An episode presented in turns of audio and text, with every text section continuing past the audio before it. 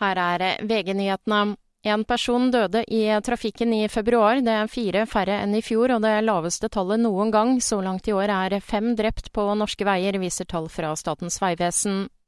Valglokalene har åpnet i Iran i det som er det første valget siden masseprotestene for to år siden. Irans øverste leder Ayatollah Ali Khamenei var den første som stemte i valget. Han avla sin stemme i sentrum av hovedstaden Teheran. Over 61 millioner av landets 85 millioner innbyggere er stemmeberettiget i valget, men det er ventet lavt oppmøte etter at en måling viste at over halvparten ikke bryr seg om valget. Reporter Andreas Hagen Haakonsen. Det israelske forsvaret og den israelske sikkerhetstjenesten Shin Bet kunngjorde i natt at de har satt fri flere titalls fengslede palestinere. Frigjøringen skjer for å gi plass til internerte med høyere trusselnivå, skriver Times of Israel.